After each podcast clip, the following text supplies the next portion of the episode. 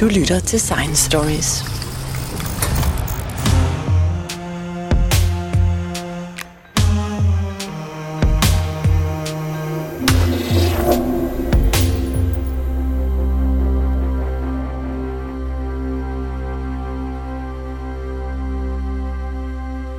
Jamen, god aften og velkommen. Nu vil jeg gerne byde velkommen til den anden videnskabssalon. Og vi er så heldige, at vi har fået Mini Grosin til at komme og fortælle om det første liv her på jorden. Og sidste gang, der hørte vi jo om, hvordan jorden og solsystemet var blevet dannet af Anja C. Andersen. Og nu, nu synes jeg, at der må gerne, nu må der gerne ske noget på jorden. Ikke? Så, øh, så derfor vil vi snakke om det. Og, og øh, formatet er, at jeg stiller øh, Minik nogle spørgsmål, som du så svarer på.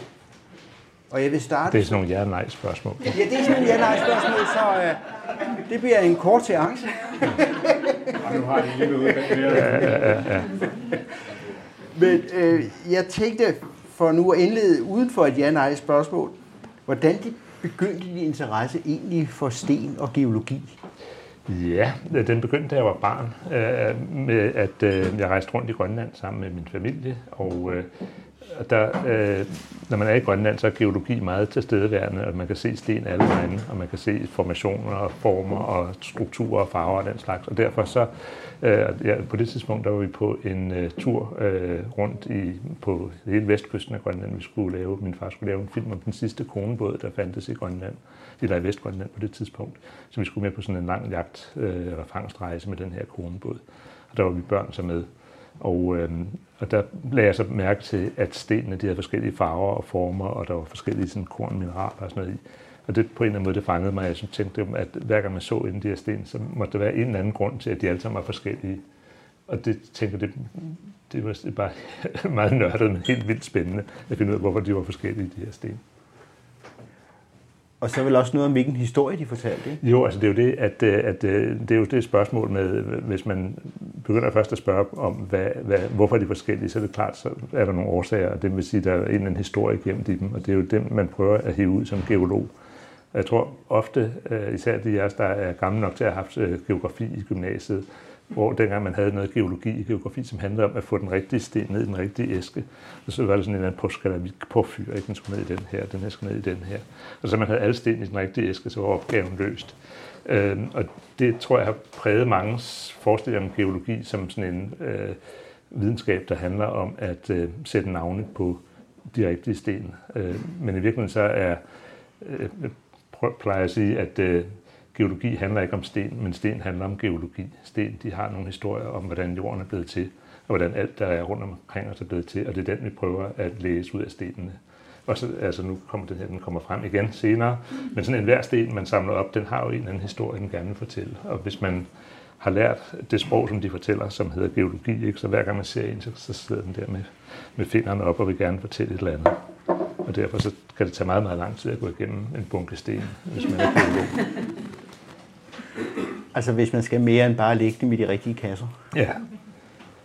Og øh, det, som jo er fabelagtigt ved sten også, det er jo, at de fortæller alle de vigtige historier. Det er jo ikke ligesom andre videnskaber, som er sådan nogle mere, øh, øh hvad skal man sige, øh, tilfældige øh, andre, forskellige andre, andre små øh, inferiøre detaljer, men det handler jo om alle de store historier.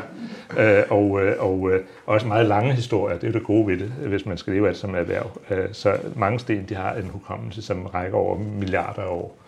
Og nu snakker du om, at vi skal have noget mere aktion ind i, efter øh, hele planeten med det andet. At det er måske i virkeligheden lidt en, øh, en øh, hvad skal man sige, falsk forhåbning, fordi at selve jorden, hele planeten her blev dannet i løbet af forbløffende kort tid.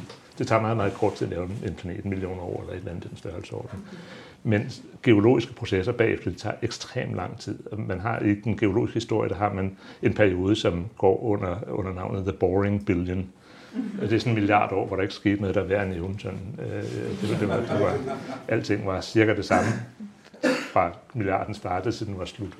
Øh, Så, så derfor så er det, som måske er allermest karakteristisk og mest fascinerende geologi, det er, at der faktisk sker meget lidt. Det, det er ekstremt lidt, der sker på den her planet.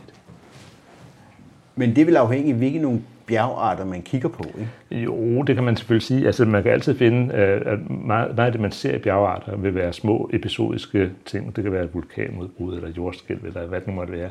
Men langt det meste af det, man, man ser, det vil være noget, som sker gradvist over ekstremt lang tid. Og derfor så, øh, altså hvis man forestiller sig jorden som sådan en dynamisk planet, hvad den jo er, men, men man forestiller sig en dynamik, som betyder noget i forhold til os, så, så er i langt, langt hen ad vejen, så, øh, så sker der overhovedet ikke noget som helst. Det er ganske små områder, der sker noget. Og en sten som den her kan sagtens have ligget en 2-3 milliarder år et eller andet sted, uden der egentlig er hent noget som helst, lige i den del af jorden, hvor den var. Og det er derfor, vi stadigvæk kan få de gamle historier ud af den. Jo, men de fleste klipper er jo ikke så gamle, vel? Altså... Nej, det er, det, er, det er jo rigtigt. Altså, det, det, det er jo, kommer så også tilbage ind til i virkeligheden et meget stort sådan, nu er vi jo sådan et litterært, litterært selskab, man kan næsten kalde semantisk spørgsmål, øh, om øh, hvad er alderen på en sten egentlig, og hvad er alderen på noget som helst i det hele taget, fordi øh, i den sidste ende, så alt materiale, alt stof, det er tilbage til universets skabelse i bred forstand, ikke? Så er der noget med at lave de tungere grundstoffer, det er sådan i stjernerne, solen osv. Men fra det øjeblik, vi har dannet jorden, så er jo sådan set alt det, som indgår i alle stenene, det er her. Og det vil sige, så, så, så hvad er det, man definerer alderen ved, Er det tidspunkt, hvor det givende materiale blev til, eller den struktur, vi ser på, eller at der skete noget andet med den osv. Så, så i virkeligheden så har enhver bjergart en helt antal, et stort antal af aldre, som afhængig af, hvad det er, man spørger om, hvad alderen er. Det er lidt ligesom, hvis man spørger om en person, er, hvornår øh, blev vedkommende dannet. Ja, det er et spørgsmål, om er det fødslen, vi taler om, eller er det gymnasiet, eller er det, du ved, når øh, man selv fik børn, eller der er alle mulige øh, begivenheder, og det samme gælder for, for en sten.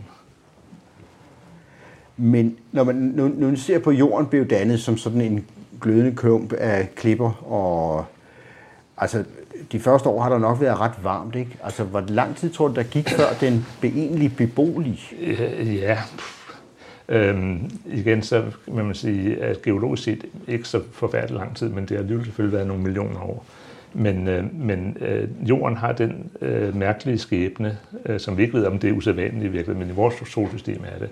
Og det er, at jorden sådan set har haft ligesom to begyndelser. Man fik først dannet øh, øh, planeterne i solsystemet sådan meget kort tid efter solen tændte. Øhm, men to af planeterne øh, var i meget tæt på det samme kredsløb, så Jorden har haft en søsterplanet, som var øh, på størrelse med Mars, og kørte i en bane, som var meget tæt på Jorden. Og en eller anden dag skulle det jo gå galt selvfølgelig. Og så bimlede de to sammen. Og den begivenhed havde ligget måske 20-30 millioner år inde i solsystemets historie. Og efter den begivenhed, der har det i hvert fald været meget, meget varmt. Mm. Der ved vi, at, øh, at det, det er faktisk ret utroligt, at den her begivenhed med kollisionen, øh, det er den, der er årsag til, at vi har månen, men det er også den, der er årsagen til, at vi har den rotation, vi har, og vores akse, den står lidt smule skævt i forhold til, at vi har årstider, og alle de her ting, som vi opfatter som normale ting på en jord, det er i virkeligheden øh, øh, fra en formodentlig forholdsvis usandsynlig hændelse, som skete en gang i vores solsystem. Og den har givet os alle de ting, som vi tænker, at sådan må det være på en jord, men, men det er faktisk ret underligt. Men efter det skete, at øh, den her kollision var, den var så voldsom, hvis du kan forestille dig, at du har en jord, så kommer der noget på størrelse med Mars og baller ind med nogle tusind kilometer i timen, øh, eller sekund, eller hvor hurtigt det nu har været så får du selvfølgelig lavet en kolossal masse varme, og det gjorde, at den, dels at du fik slynget, du fik slynget en masse materiale ud, som blev til månen, men du fik også fordampet en hel masse. Så efter det havde jorden en atmosfære, som bestod af bjergets damp, som har været nogle tusind grader, 4-5.000 grader varmt. Så atmosfæren var altså ikke vanddamp og kvælstof, hvad vi har nu, men, men simpelthen fordampet sten.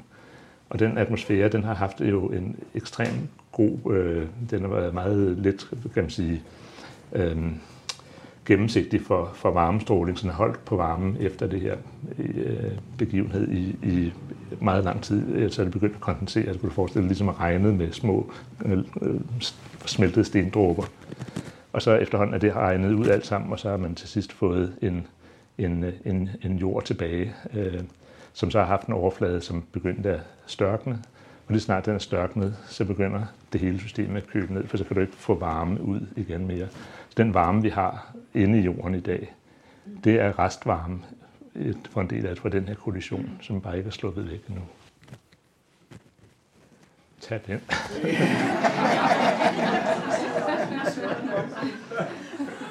Jo, men der er jo også noget radioaktivitet, som Ja, har holdt varmen. Ja, jo, altså det, det, det er sådan at formodentlig mellem en tredjedel og halvdelen af den varme, som er dannes inde i jordens indre, det kommer fra radioaktivitet, og den anden er restvarme fra, fra, øh, så fra samlingen af, af jorden. Og den restvarme, den er blandt andet gemt som smeltet metal, øh, som når det størkner afgiver varme. Så den flydende kerne, når den lidt stille størkner, så afgiver den varme, og derfor kan den blive ved med at, at give varme ud. Men det, som er det interessante ved det, det er sådan set ikke så meget, hvor varmen kommer fra, men mere, at den er der endnu. Og det er fordi, at lige snart, at du får dannet noget fast materiale på jordens overflade, øh, det har meget, meget svært ved at, ved at øh, lede varme igennem, og så bliver varmen fanget derinde i. Og det er derfor, man laver du ved, bordskåner, hvad ved jeg, af sten. øh, fordi at man kan ikke lede varme gennem en sten. Og, og det vil så sige, det er jordskorpen, som øh, holder på varmen. Ja. Eller altså skorpen, og så det andet faste, der er nede under. Ikke? Men når du kommer et stykke ned, så er det jo blødt, og så har du øh, bevægelser, Ja. konvektion og så videre. Og det er det, som gør, at jorden er dynamisk, det man har de her bevægelser. Men, men grunden til, at det, at det ikke ligesom hele klapper sammen, det er altså, at det er faktisk ret svært at få varmen det sidste stykke ud gennem den faste del af jorden, som er de øverste måske 100 km eller noget i den retning. Men alt det vand, vi har, Ja. det må jo altså, det må være kommet efter, ikke? fordi det har jo nok røget bort, da de der... Jo, det er det. Altså, der er jo meget diskussion om, hvor vandet på jorden kommer fra, og der er meget diskussion om, øh, altså, ligesom, man snakker jo altid om jorden som en, som en vandplanet og en blå planet, og det, det er jo øh, så fantastisk, så meget vand der er. Men i virkeligheden så er vand et ekstremt sjældent stof på jorden. Der er et par hundrede parts per million vand, eller sådan noget i retning på jorden. Så det er et ganske par hundrede parts per million, et par hundrede, hvis du har øh, en million molekyler, så er der kun 100 af dem, som er, er vandmolekyler. Øh, så det er ganske lidt af jorden, som er vand. Øh, men på grund af vandets natur, så er det mest altså fiset af op og ligger på overfladen, og det er der, vi kan se det. Øh, men hvis man sådan ser på jorden, ikke 6.350 km ind til midten, så er det altså kun de øverste 3 km, som er vand. Øh, og det er jo ganske, ganske lidt i virkeligheden. Men så spørgsmålet er, hvor kommer det vand så fra? Ja, Og man, jeg tror, de fleste er, mange er enige om, at efter den der kollision, så samlede der sig en tør planet uden væsentlige mængder vand.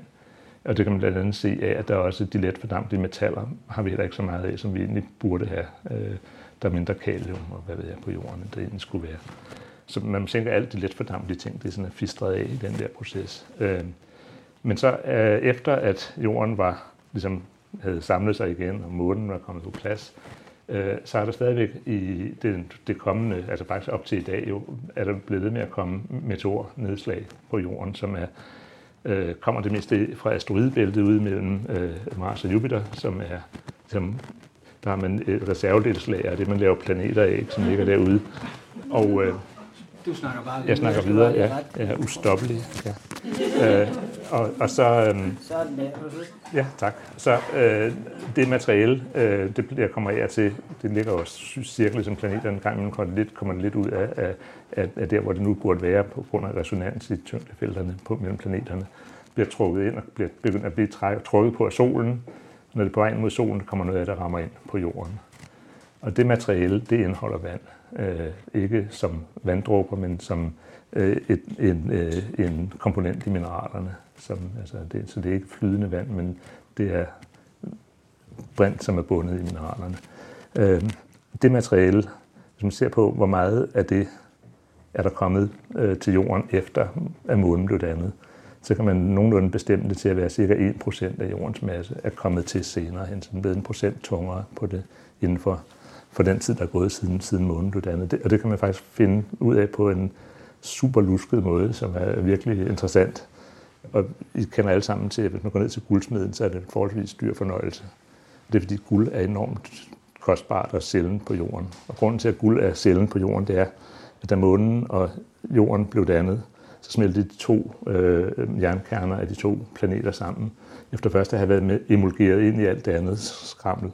Og guld og platin og den slags ting, det er meget opløseligt smeltet jern. Så alt guld og platin, der var i hele det her system, det blev snuppet med ind i kernen af jorden, hvor det ligger. Og den smule, der er, det er det, der er kommet med de meteorsten, der er faldet siden. Og det er derfor, det er så afsindigt dyrt.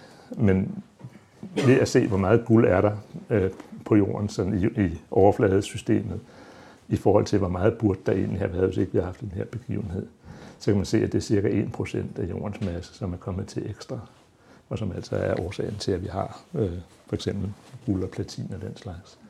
Så der kan man regne ud, hvis man så ser på, hvor meget øh, vand er der i meteorsten typisk, så passer det meget godt med den mængde vand, vi har på jorden. Så det er i hvert fald en, øh, en forklaring på, hvor vandet kommer fra. Den anden er, at vandet kunne være kommet med kometer, som er kommet til jorden. Det er også øh, ganske givet også noget, der er. Men man har målt øh, isotopsammensætning af vandet på, i kometer. Ja, nogle af dem i hvert fald. Og der er ikke nogen af dem, der på nogen måde minder om jordens vand. Mens det vand, som er i meteorstenene, det er fuldstændig med til jordens vand. Øh, så derfor så er det efter min bedste overbevisning mest sandsynligt, at vandet på jorden det er altså kommet ned med de samme meteorsten, som har taget guld og platin og andre herlige ting med. Men det vil sige, at og når vi kigger på liv, så er vandet jo afgørende, ikke? Jo, det er alle, tror jeg, enige om, at, øh, at, at uden vand er der ikke noget liv. Og det er jo igen øh, det store problem med at tale om liv, er jo, at der er faktisk ikke nogen, der ved præcis, hvad det er, der definerer liv. Altså, man kan beskrive nogle aspekter, som liv har, og som vi kan genkende det på. Øh, men der findes ikke en entydig definition på, hvad det er, der er grænsen mellem, at noget er liv og ikke er liv.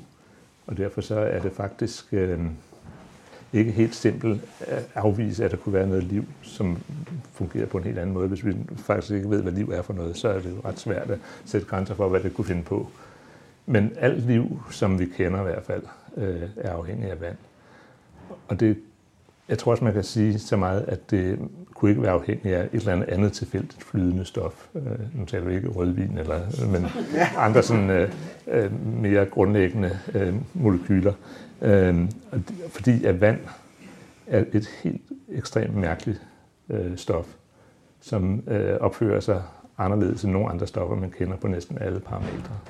Og det er netop den øh, mærkelige egenskab, de mærkelige egenskaber ved vand, der gør, at det kan øh, fungere som, øh, hvad skal man sige, som bindeled mellem processerne i levende organismer. Øh, så, så, øh, og det er faktisk et kæmpe problem, når man prøver at undervise stakkels børn i, eller unge mennesker i fysisk kemi og den slags, fordi at øh, al vores intuition for, hvordan verden fungerer, den bygger på, hvordan vand opfører sig. Og der er ikke nogen andre stoffer, der opfører sig som vand. Så øh, al, intuitiv, al intuitiv forståelse af fysisk-kemiske processer, den er forkert. Og det, det er jo altså noget skidt. Altså vand udvides, når det fryser. Det er der ikke nogen andre ting, der gør. Og det, det, altså, det, på alle parametre er vand et fuldstændig vanvittigt stof. Må jeg afbryde et Ja. Vi vil gerne have vores mikrofoner på, på jer også. Nå. Nede bag, hvad lyden så højt. Så godt. Men det er altså Mini Grosing, som jo Som sidder her. kendt- som sidder her og er en kendt dansk geolog. Dansk-grønlandsk geolog. Mm. Og som har opdaget nogle tidlige spor, meget tidlige spor af liv, netop på Grønland. Men når vi nu taler om liv og jordens beboelighed, så det vil sige, hvornår kom det vand? Og Ja, altså det vand, øh, øh, jeg tror som sagt, at man kan sige, at det er i hvert fald kommet øh, efter den begivenhed, der skabte månen, for, øh, altså, som var cirka 50 millioner år inde i, i jordens historie. Der skal man så lige huske på, at jorden altså, det er lidt over 4,5 milliarder år gammel, så for cirka 4,5 milliarder år siden, der begyndte det at komme. Og hvor lang tid det har taget at bygge det op, det øh, tror jeg ikke, der er nogen, der har nogen særlig klar fornemmelse af. Men der er noget, der tyder på, at øh, i hvert fald for mere end 4 milliarder år siden, for 4,2-3 milliarder år siden, var der vand på jorden. Det er svært, ikke? Ja, det er meget, meget... Det, ja. Det var meget bedre end der var der, der, var der øh, flydende vand på jorden, der var have på jorden, er der noget, der tyder på, og det kan man se ud af forskellige, altså det er forskellige isotopsystemer, man kan se på, hvordan og hvorledes øh, jorden har opført sig i den periode.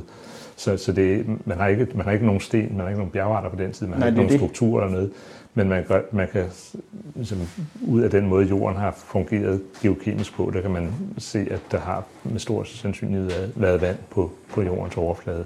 Det vil, sige, det vil sige, at der er et eller andet i jordens struktur og den måde, jorden er på, som siger os, at der for 4,2 milliarder år siden, selvom vi ikke ja. har noget, der er så gammelt, Ja, At der var vand Ja, der var vand, ikke? Ja, det, er, det er der noget, der, og det, man kan altid diskutere den slags ting, men, men, men det lyder sådan set jo meget fornuftigt, fordi at øh, vi ved, at øh, for øh, 3,8 milliarder år siden, der har vi helt tydeligt spor af vand, og vi, øh, altså på overfladen, øh, og, og, og vi har også et tegn på, at livet har været til stede nu springer vi lidt frem i historien, skidt med det.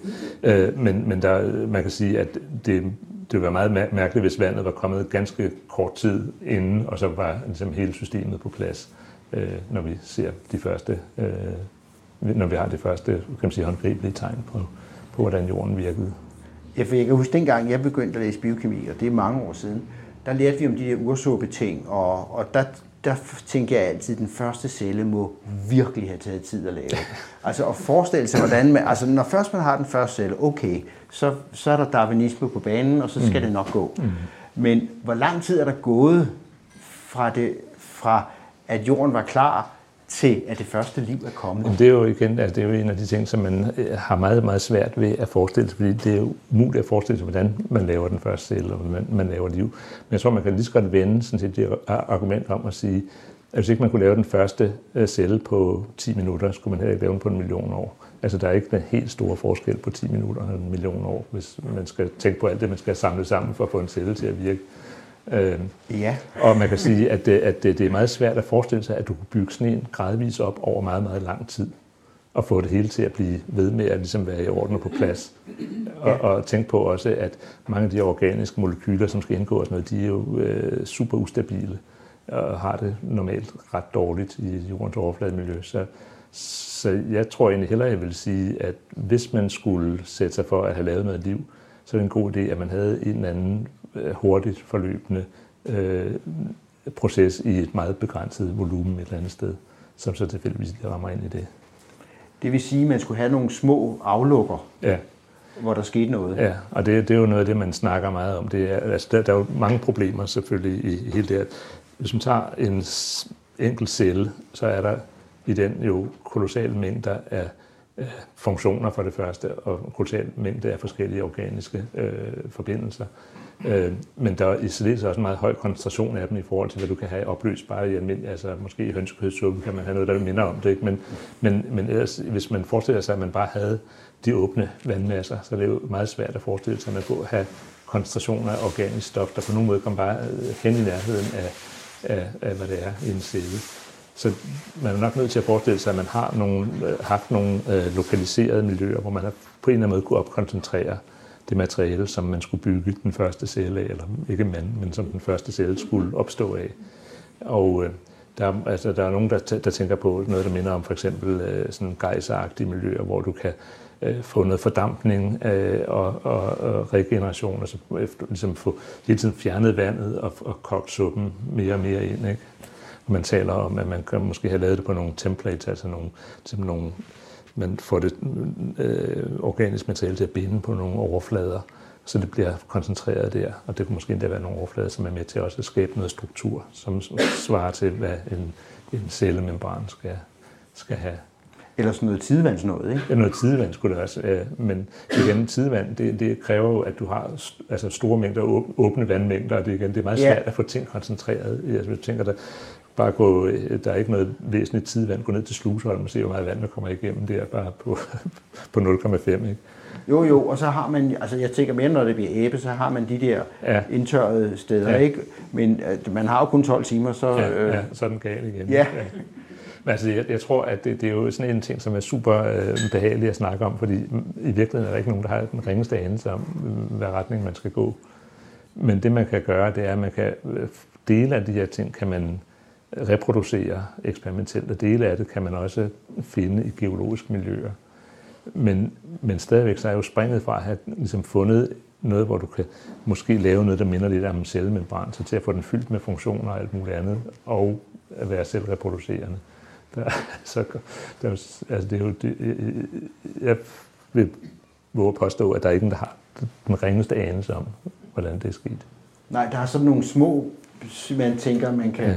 Ja. forestille sig de her cellemembraner, og, Ja. de der, og så er der sådan noget med noget RNA, men det er jo Ja. meget langt fra. Ja, det er jo super langt også til at lave RNA fra, altså det, det, er, Ja. jo, det er jo Så, så jeg, jeg tror, man må øh, stille sig til, altså, jeg tror, det man kan gøre, det er, at man kan prøve at se, om man kan øh, finde miljøer, som tilfredsstiller så mange af de krav, der nu man kan stille op for, at det her skal kunne lade sig gøre. Om der, og der har man så det problem, synes jeg, som er øh, måske endnu større, det er, at livet har været på jorden i måske 4 milliarder år.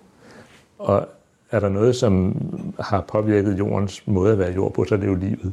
Så det er faktisk meget, meget svært at forestille sig, hvordan en jord så ud uden liv. Øh, så hvis vi skal prøve i den verden, vi kender i dag, at finde nogle miljøer, som vi tænker, de er analoge til der, hvor livet opstår, så skal vi huske på, at alle de miljøer, vi har på jorden i dag, det er nogle, som livet allerede har været i gang med i 4 milliarder år. Øh, og derfor så er det jo øh, altså, ekstremt svært at se, hvad, hvad det så skulle være. Ikke? Og det er jo en af grunden til, at det er altså, ekstremt interessant til Mars for eksempel, øh, at se på, hvordan ser en planet, hvor der er enten ikke noget eller meget, meget lidt liv, øh, hvordan ser sådan en egentlig ud. Ja, fordi det, altså det, det er meget svært at forestille sig den første selv, ikke? og hvordan den er, den er lavet. Men, men jeg tænker på, altså du, du har jo opdaget de der spor mm. øh, øh, i, i Suak, er det ikke det? I Suak, ja, ja. ja. Er det simpelthen sådan et stykke det, det er et stykke af den her sten, og vi kan godt lade den gå rundt. Øh, jeg har en gang, ja, det har jeg tit gjort, jeg var engang ude til at holde et andet på et eller andet gymnasium, og en eller anden snot unge stjal den. Øh, så, øh, så nu får I en anden. Øh, men det gør ikke noget, hvis den kommer tilbage igen. Men altså, øh, du har fundet nogle spor efter meget, altså der er ligesom to spørgsmål, ja. ikke? Hvordan kan, hvordan kan du vide, at det er liv, du ser? Ja, øh, det kan vi tage. Øh, jeg vil sige, der, der er i hvert fald en ting, som er meget, meget væsentligt, og det er, at hvis man kan finde spor af liv i en sten, som har været igennem så meget, som en sten nu har været igennem i alle de her mange år, er nogle liv, som er så robuste, at vi stadigvæk kan genkende dem, så kan det helt sikkert ikke være det første liv på jorden. Øh, så må det være noget liv, som er, øh, altså, hvor der er meget af det, det er meget effektivt, det har fuld kontrol over sig selv og sine omgivelser, og det er den måde, vi kan genkende det på i virkeligheden. Altså, det, der er jo øh, flere måder at genkende spor af liv, og det var jo Darwins store, øh, store skisma. Det var jo, at øh, han havde en idé om, at alt liv til stammede fra en øh, oprindelig forfader, og så har det du ved, udviklet sig ud i alle retninger. Men når han gik igennem de, øh, den geologiske lavsøjle og så på, på spor af liv, så der, hvor man så det sidste spor af liv, før man kom ind i bjergarter, hvor der ikke var nogen tegn på liv, der havde man alle mulige slags fossiler. Og det passede jo meget, meget dårligt med teorien. Og det var jo, altså, kan man sige, den, den, den grænse, han så, det var der, hvor øh, livet fik skeletter, som blev bevaret og blev flercellet og store og leve, øh, hvad skal man sige, bevægelige og alt muligt andet. Men tilsvarende kan du sige, hvis du så kommer ned i den mikrobielle del af, af, af, af, af, af livet på jorden, så kan vi jo kun se det, når det er i stand til at gøre markante øh, forandringer på det miljø, det lever i. Det er dem, vi kan se. Øh, og, og det er sådan set det, der gælder her også, ikke? at vi kan se, hvad livet har gjort. Øh, vi kan ikke se organismerne selv længere. Nej, og de, vil også, altså de første typer har vel også været for små til... Ja, altså det, det, er, jo, det, det er også det, at, at, at øh, hvis man finder en lille rund ting, så ja. det, det, det er jo altså meget svært at sige.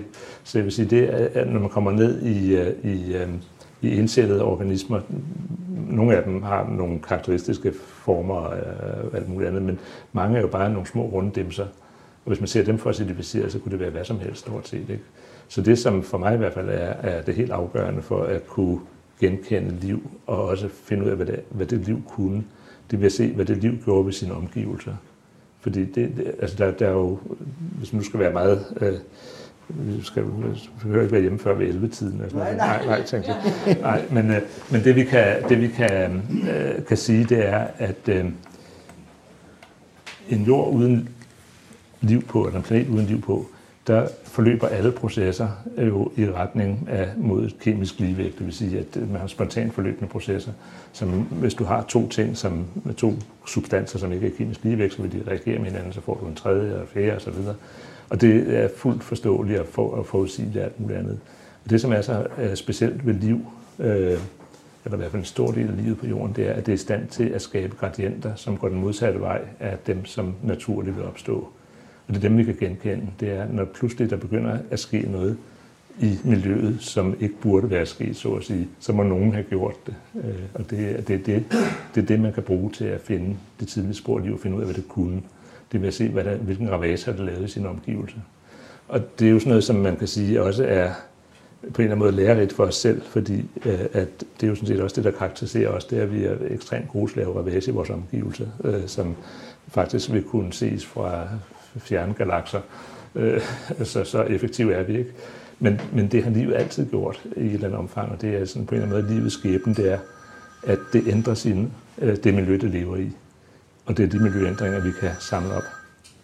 Og hvis det er til mig med et spørgsmål, så vil måske nogle af dem få videre.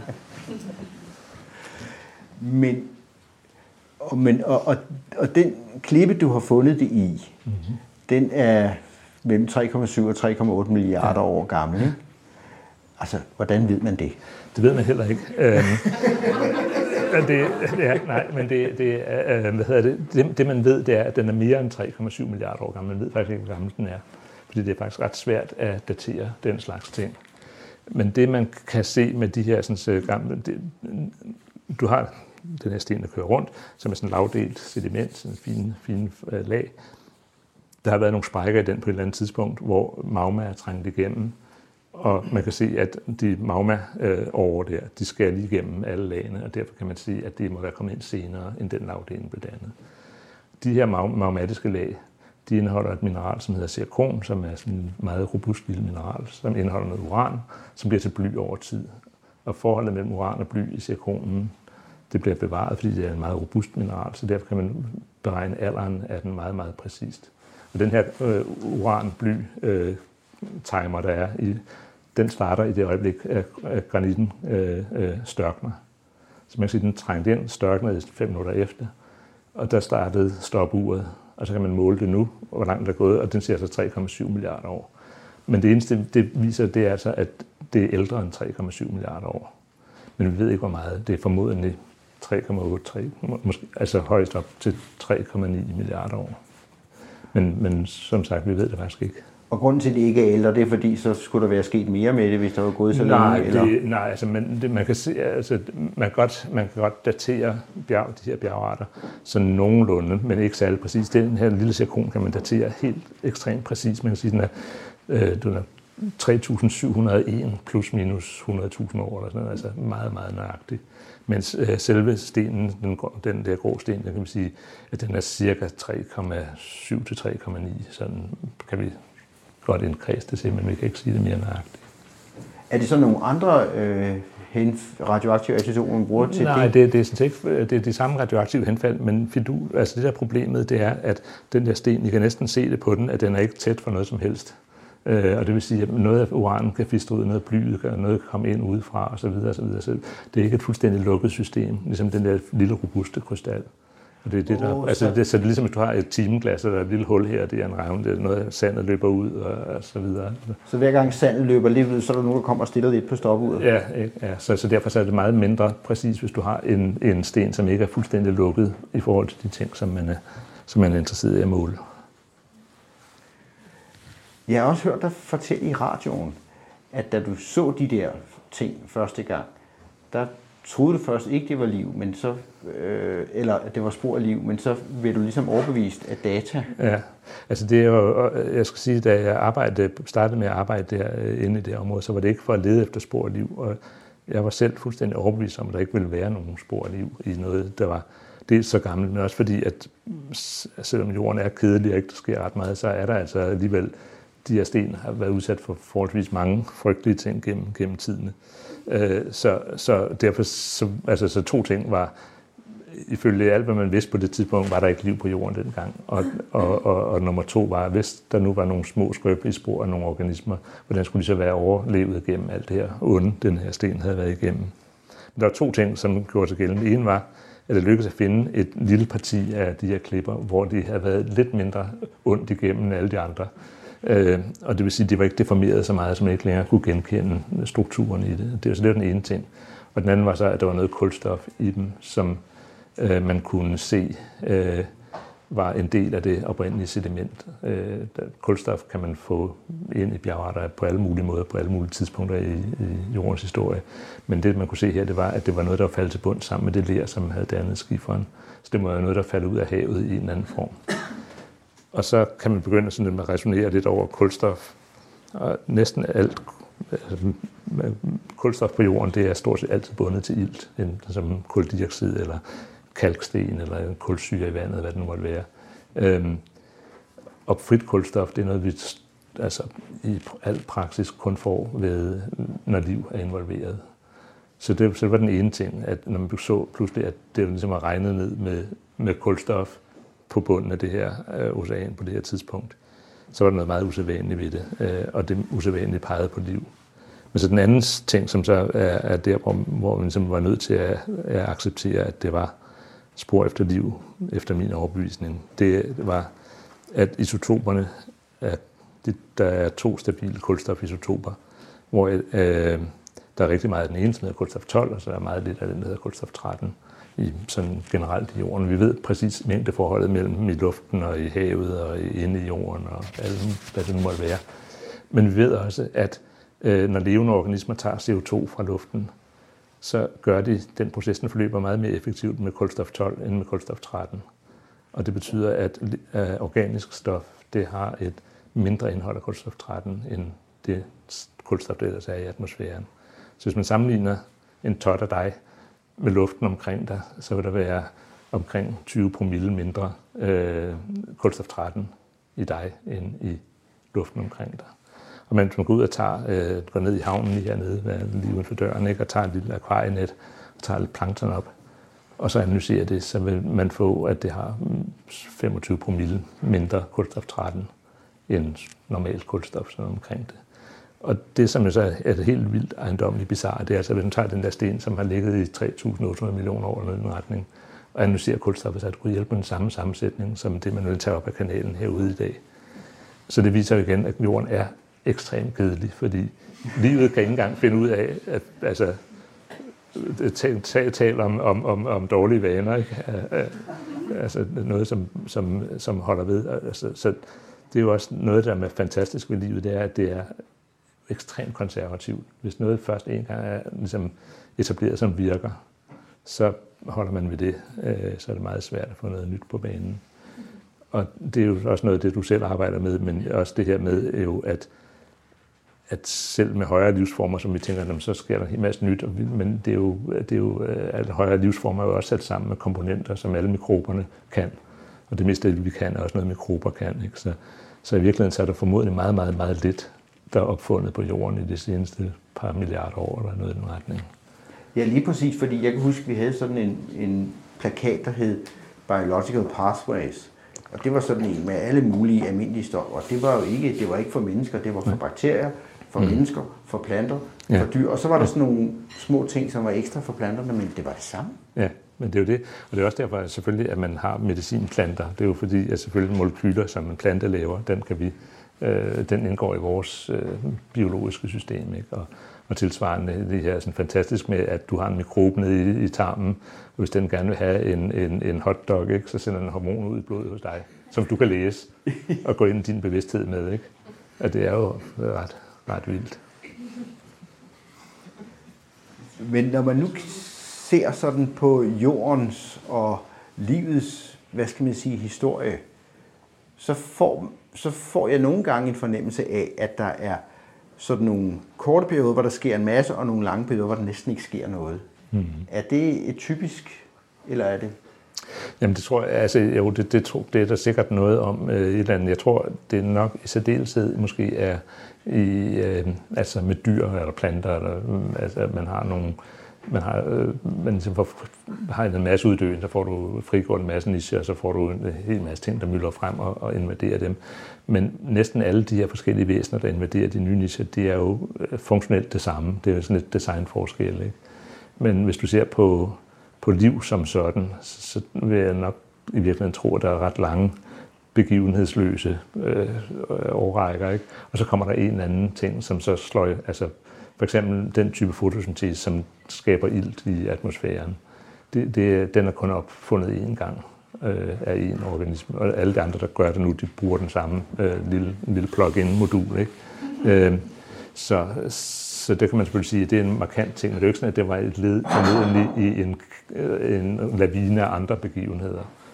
Så, så jeg ved det faktisk ikke. Øh, jeg tror, det er, det rigtigt, hvis du taler om hvis, altså det er jo det, det med geologi, men at det bliver sådan lidt, øh, når man siger i nyere tid, det vil sige den sidste halve milliard år, ikke? Det, øh, øh men, men ellers så ved jeg faktisk ikke, om det øh, noget tyder på, at der har været meget, meget hurtig udvikling af rigtig, rigtig mange øh, basale pathways, og hvad du nu vil kalde dem, øh, tidligt.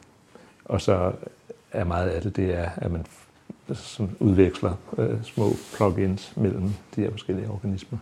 Men man kan vel også forestille sig, at den der tidlige liv, at altså når vi kigger på alt liv i dag, så bruger de alle sammen DNA, og de laver alle sammen protein på den samme måde, og de bruger den samme kode, ikke? bortset fra måske to-tre afvielser. Men det kan vel også være et udtryk for hvad skal man sige, darwinismen, ikke? Ja. at der pludselig har ja. været en effektiv form, som så ligesom har ja. bulen. Ikke? Men, men det er jo det, som man kan se, at det er jo ikke sådan, at der så kommer en ny form ind, cirka hver 100 millioner år, som så overtager rollen for noget, der var før. Det vi kan se er jo, at alle sammen, helt ned til alle kan man sige, rødderne, stadig bruger den samme. Altså, vi, altså det, så, så hvis du først en gang har opfundet noget, der virker, så bliver det faktisk ved med at være der, formodentlig til, til altid. Ikke? Øh, og det, det, er jo, det, det synes jeg er meget, meget øh, fascinerende. Og det, altså, man kan også sige, nu taler vi meget, når vi taler om liv i dag, så taler vi som helt selvfølgelig, at vi taler om dyr og planter. Men størstedelen af jordens historie har der ikke været nogen af delene, og, der er, og langt størstedelen af livet på jorden er mikrobielt. Og det er jo en helt anden form for livs, livsførelse, han er sådan også. En mikrobe dør aldrig. Altså, den deler sig. Så, så hvis der er en mikrobe, så er det jo en del af den første, der var i live stadigvæk, øh, og har nogle minder om det med sig. Jo, men det er vi jo også på en ja, eller anden ja, det er, måde. det er vi også, men, men vi, vi tænker som liv, som du ved, ja. et individ har en tid, og så kommer der et andet. Men det er jo en helt anden øh, dynamik, hvis du er i en mikrobiel verden. Ja, for der deler de sig det bare, deler sig bare ikke, så det, det, i princippet så dør de jo aldrig.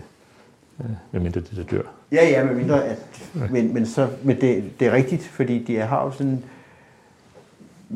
men, men til gengæld... Altså man kan sige, hvis de, hvis, de, hvis de er levende, så er det ikke efterkommer nogen, der er døde. Nej. nej, fordi så kunne de ikke være efterkommerne. Nej, nej. Fordi de er jo selv. Ja. Ja, de er jo ligesom selv fortsættelsen. Ja, ja. Nu bliver det snart lidt for, for, for hvad hedder det, øh, for litterært, det her. Men, øh, men jeg tænkte også på en anden ting, fordi du øh, mener jo, at livet har betydet rigtig meget for planeten, og har simpelthen mm. ændret mm. planeten ja. fundamentalt. Ja.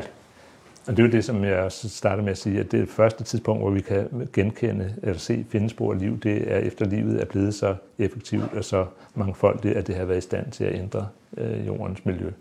Det er det, vi kan, det er det, vi kan erkende. Ikke? Og, og der, øh, altså den måde, at man kan prøve at forstå det på, det er jo øh, ved at, øh, altså igen det her med, med den meget dynamiske jord, som prøver at undersøge, hvor meget, hvor dynamisk er jorden egentlig, så den bedste måde at gøre det på, det er at finde ud af, hvor meget energi omsættes der inde i jorden. Og det har at gøre med det, vi snakker om før, den her varme, som er derinde. Der er ekstremt varmt inde i jordens indre.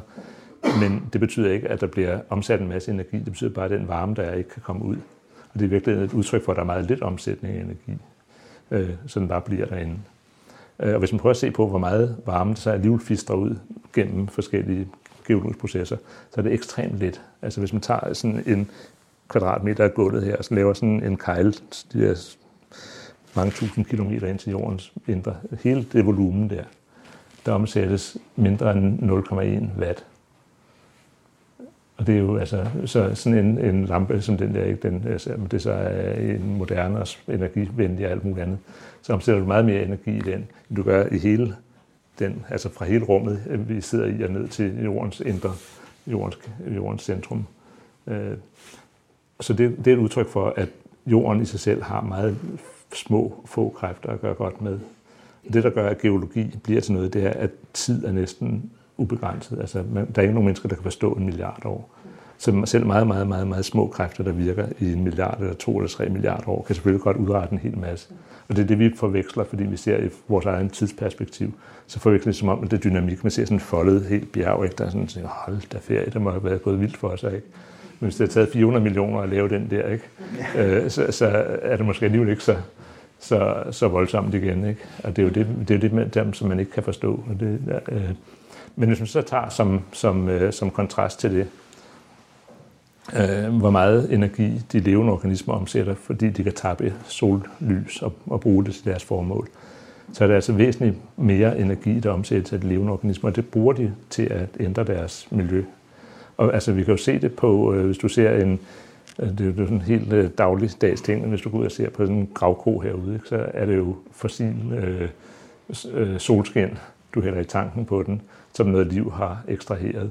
Og med det der kan du lave, altså, du kan lave en helt geologisk formation på en eftermiddag, ikke? Øh, som det vil have taget jorden selv øh, ekstremt lang tid at, at lave. Øh, så, så de levende organismer, det er dem, som har helt klart en afgørende indflydelse på, hvordan jordens overflade miljø øh, er. Og det er jo sådan noget igen, at apropos det man tænker, hvordan, må, hvordan skulle en jord vel egentlig være, men der er jo ikke nogen ting i vores overflademiljø, som er givende, sådan bare fordi vi har en planet. Altså det er for eksempel, at vi er ved 20 grader, så vi nu har 15 graders gennemsnitstemperatur på jorden. Eller at atmosfæren har en atmosfæres tryk, som det har vi jo selvfølgelig sagt, den har, ikke? men at vi har det tryk, vi har, det er jo også fuldstændig, altså det, det kunne være hvad som helst. Og alle de her forskellige parametre, det er nogen, som styrer sig liv. Øh, det trykket, atmosfærens tryk, styres af et enkelt enzym, som er nitrogenase, som er det, der tager, øh, som planter eller levende organismer bruger til at tage, tage kvælstof ud af atmosfæren. Det er det, der regulerer, hvad trykket på jorden er. Sådan stor grad. Resten af det er ild, det er også fra liv. Ikke? Så, så, så mange af de parametre, vi tænker, det her, det er sådan, er jorden nu i gang. Det er den overhovedet ikke. Det er noget, som livet øh, dels er ansvarlig for, men også på en eller anden måde vedligeholder øh, gennem sine aktiviteter. Og det er jo sådan noget af det, som måske er, er forskellen mellem jorden og Venus. Ja, vi har øh, ligesom en kustodetjeneste her, eller øh, hvad hedder det, gårdmands øh, tjeneste, som sørger for at holde, holde skidtet øh, nogenlunde i balance. Venus har af en eller anden grund ikke opnået den funktion, og der er nu 500 grader på overfladen. Og det er ikke noget specielt venligt sted at være, selvom det er en planet, som i udgangspunktet var fuldstændig med ind til jorden. Jamen, du siger jo også, at, at, livet måske også har skabt øh, granitten, altså øh, ja. fjellet. Ja, men det, det, altså, det kan man så sige, det, det er så et lidt længere, øh, også lidt længere ud på landet historie måske, men, men, men det er sådan en historie, som det er muligt, at den ikke er fuldstændig sand, men den er i hvert fald heller ikke helt forkert. Øh, og det, det, og det er det, man skal holde sig i, selvfølgelig. Holde sig til, hvis man, hvis man arbejder med det slags, det er selvfølgelig at holde sig til alt det, hvor man i hvert fald ikke tager fuldstændig fejl. Øh, og det i sig selv, synes jeg, hårdrejsende nok, at det ikke er helt forkert. Og det, man kan sige om granit, at man kan sige mange ting om granit. Der, laves, der laves mange frygtelige ting af det. For eksempel kan man købe ud langs, øh, langs øh, udfaldsvejene til, til, til de større byer. Øh, men, øh, men, men granit er jo det materiale, kontinenterne består af, som er et let materiale, og som derfor flyder højt på jordens kappe nedunder, og det er derfor, kontinenterne stikker op. Og vi opfatter det, fordi det er det, vi selv bor på, så opfatter vi granit som sådan standardvare i, i, på planeten. Men det, som er virkelig mærkeligt med granit, det er, at vi kender det ikke nogen andre steder fra. Vi har set ud i hverken solsystemet eller andre steder. Så granit kender vi kun fra jorden.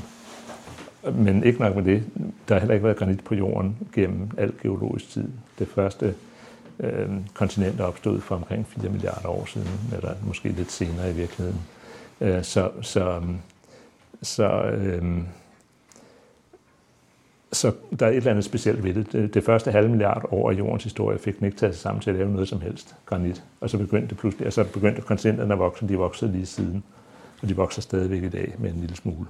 Øh, og det, øh, hvis man så prøver at, at, at se på den skal man sige, serie af processer, som ender med at blive til granit, så starter den med basalt, som er, sådan, vi kender alle sammen basalt, en mørk bjergart, man har på Island og Hawaii og alt muligt andet steder, sådan sort lava, der kommer ud. Ikke? Det er den samme bjergart, som du har på månens overflade, på Mars overflade, Venus overflade, asteroider alle vejen. Det er sådan standardproduktet på, på planetagtige himmellegemer. Ikke? Øhm, og basalt, hvis man laver en overflade af det, så på et eller andet tidspunkt bliver den tung, falder tilbage ind i jorden, smelter igen, så får du mere basalt, det, det kan du blive ved med at køre, køre rundt i det her suppedags. Men der er det interessante ved det, at hvis du udsætter basalten for kemisk forvitring, altså man laver en om, omdannelse af det ved at den reagerer med luften og vandet, hvad det ellers er, så dannes der nogle nye mineraler, som smelter ved en lavere temperatur, og det de smelter til, det er granit, som så stiger, lettere stiger til værs. Og det man kan, den ligesom, det argumentrække, man kan lave, det er, at øh, den forvitring, som gør, at man kan smelte en lille smule granit ud af basalten, den er afhængig af, at havet og atmosfæren det er ude af kemisk ligevægt med basalten. Så nu tænker man, at man bare havde en planet, hvor du havde noget vand og noget luft og noget basalt. Så når der er gået 14 dage, så var alle de tre ting i ligevægt med hinanden, så vil der ikke ske mere. Så vil de alle sammen være, være glade for hinanden, og der, der alt er godt. Men hvis der er et eller andet, som opretholder en ulige vægt mellem, så får forvitringen blive ved med at forløbe, og så bliver ved med at lave granit. Og det er det, mit argument er, at den ulige vægt, den skyldes, at de levende organismer er i stand til at lave kemiske gradienter. Fordi det er lige præcis det, som er det centrale ved liv, det er, at det laver kemiske gradienter, i stedet for at, at skal man sige, nedbryde kemiske gradienter. Så, og, det, og det gælder for fotosyntese, hvis man har fotosyntese. Så mit argument er, at øh, hvis øh, man har fotosyntese, eller hvis man ikke havde fotosyntese, ville man ikke have kontinenter på jorden. Øh, så var vi jo på den. Det vil sige, uden, så var det bare sådan en vandplanet med, med ja. en 2,5 km vanddybde ja, i gennemsnit? Ja, noget i den retning, ja. ja. Et kæmpe stort svømmebassin? Ja, ja. Det må man, altså, det, det, det, det, der er rigtig, rigtig, rigtig mange sammenfaldende, kan man sige, men, men forskellige artede argumenter, som tyder på, at vi ikke havde noget land, der stak op fra, fra jordens overflade for 4 milliarder år siden. Blandt andet det faktum, at vi har øh, vi havde flydende vand. Det er jo sådan en anden ting, som er også er øh, fantastisk mærkeligt, det er, at øh, vi forstår alle sammen, at selvfølgelig, at øh, vores årstider, og sådan, hvornår vandet fryser og tør og sådan noget, det har noget at gøre med solen. Det er solens varme, som gør, at jorden er varm nok til, at vandet for det meste er flydende. Det vil man tænke, jamen, hvorfor skulle det så have været anderledes i gamle dage? Men det er faktisk jo sådan, at stjerner som vores sol, de har en livscyklus, og hvis man går tilbage for 4 milliarder år siden, så var vores egen sol, den var 25 procent sværere, end den er nu. Det vil sige, at jorden burde have været totalt dybfrossen. Der burde overhovedet ikke have været øh, flydende vand på jorden. Så det er jo så et mysterium. Hvordan kan det så være, der var det? Og en af grundene til det kan være, at du ikke havde kontinenter, som er lyse i forhold til havoverflader, som er mørke. Så hvis man havde en planet, som var fuldstændig dækket af hav, så ville du have en mørkere planet, som sugede mere af den øh, mere sparsomlige solvarme til sig på det her tidspunkt. Så der er, der er rigtig mange brækker, man kan sidde og lege med det her og lave nogle, nogle øh, forrygende løgnehistorier ud af. Nå jo, men, men det der med, at det er en historie, som, som man ikke ved om er sand, men heller ikke er helt løgn. Mm. Altså, det vil, altså, for mit synspunkt er det jo netop sådan, videnskab er. Ja. Det, altså, det er jo det, der med det, øh, øh, jeg vil sige, det, det, det er jo det, der med det, at det fangende ved det, det er jo, at man kommer jo aldrig frem til en endelig sandhed om noget som helst. Men det, at man kan begynde at i hvert fald overbevise sig selv om, at der er øh, fragmenter af, af hvad skal man sige, den opfattelse, man har, som, som faktisk lader sig underbygge af noget, man kan observere. Det er jo så, så langt, man kan komme, og det er jo det, der med, som er en del af, er, er, det, er det sjove ved det. Men jeg synes, det alligevel, som er det aller sjoveste ved det, det er jo de, øh, rigtig mange ting, hvor man, apropos den der øh, intuition, vi talte om før, eller bare i ens egen fordom og sådan noget, at man er helt overbevist om, at sådan må det da være et eller andet, indtil man begynder at undersøge det rigtigt. Og så viser det, at det overhovedet ikke er sådan, som man kan være fuldstændig 100% overbevist om, at det burde det være. Det, det, det synes jeg, det er, altså, fordi man kan sige, der hvor man øh, bare bekræfter sin egen fordom, der har man jo ikke fået så meget nyt med hjem. Men, øh, men det, altså det, er, det, det, det, det er virkelig sjovt, de der tilfælde, hvor man, hvor man finder ud af, at det, man forestiller sig, det er totalt på hovedet af, hvad virkeligheden er. Men det er også ikke, det, det nogensinde er sket for mig, selvfølgelig.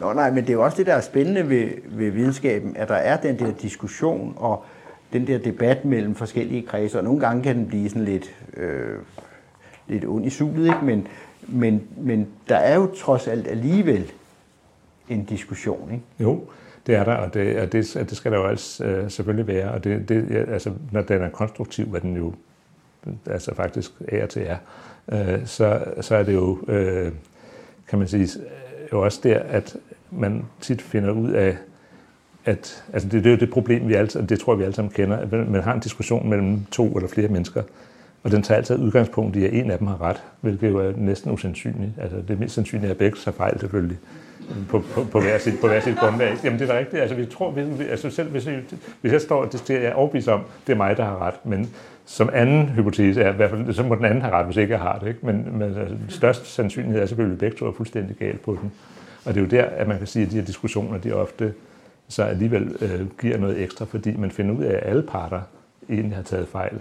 Men at deres forskellige fejltagelser, det er med til at indsnævre så det rum, hvor, hvor en eller anden form for sandhed så ligger øh, på en helt anden måde, end du nok det enten det her eller det her. Du får hegnet øh, det ind. Øh, så, så det er jo det, der er, er, er det, det gode ved sådan en konstruktiv øh, debat. Ikke? Ja, vel også at det, man er uenig med, også har ret, ikke? Jo. Men det er jo det, man finder ud af. Ja, men alle sammen sådan set, øh, kan man sige, tager lige meget fejl, men det, at man har gjort, det, at man, man erkender det, det giver sig en, en helt ny viden om, hvor så øh, ligesom fænomenet befinder sig henne. Ikke? Jo, og, og den der tankegang med at diskutere det kritisk og diskutere det med hinanden, ikke? Det, er Ja. jo, det er jo det, videnskaben er god til, når den er allerbedste. Ja, og så det, det, det forbandede ved det er selvfølgelig, at det jo er irriterende, når du står på. Men det er først bagefter, man altså, modstræbende indrømme, at det var måske meget gavnligt. Det er også, man har et eller andet manuskript i review, og så får man de her kommentarer tilbage fra en eller anden nød, ikke ude der, så siger jeg, ej, du er det hvor irriterende. Men så efterhånden, som man så arbejder sig igennem, så, så til sidst tænker man, det var sgu godt, jeg fik, fik reddet den her, inden, inden det kom ud. Ikke? Fordi at det, men, men altså det, er- så det er jo sådan en proces, som er både smertevoldende, og irriterende og alt muligt andet, men som i den sidste ende næsten altid viser sig at være, være øh, have været god. Ikke mindst for en selv. Ja, for jeg synes også, at det vanskelige er jo at skrive noget, som man godt ved ikke er helt rigtigt, men man er bare nødt til at skrive noget Mm. alligevel. Mm. Du ved, der var nogen, som havde lavet et studie om øh, folk øh, øh, egen opfattelse af ligesom deres egne øh, hvad skal man sige, evner.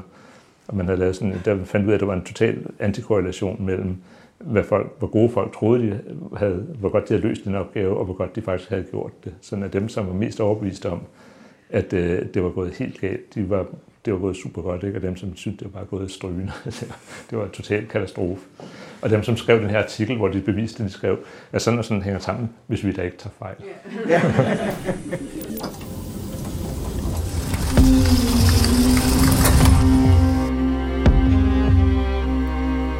Hvis du holder af historier om videnskab, kan du finde Science Stories hjemmeside på www.sciencestories.dk.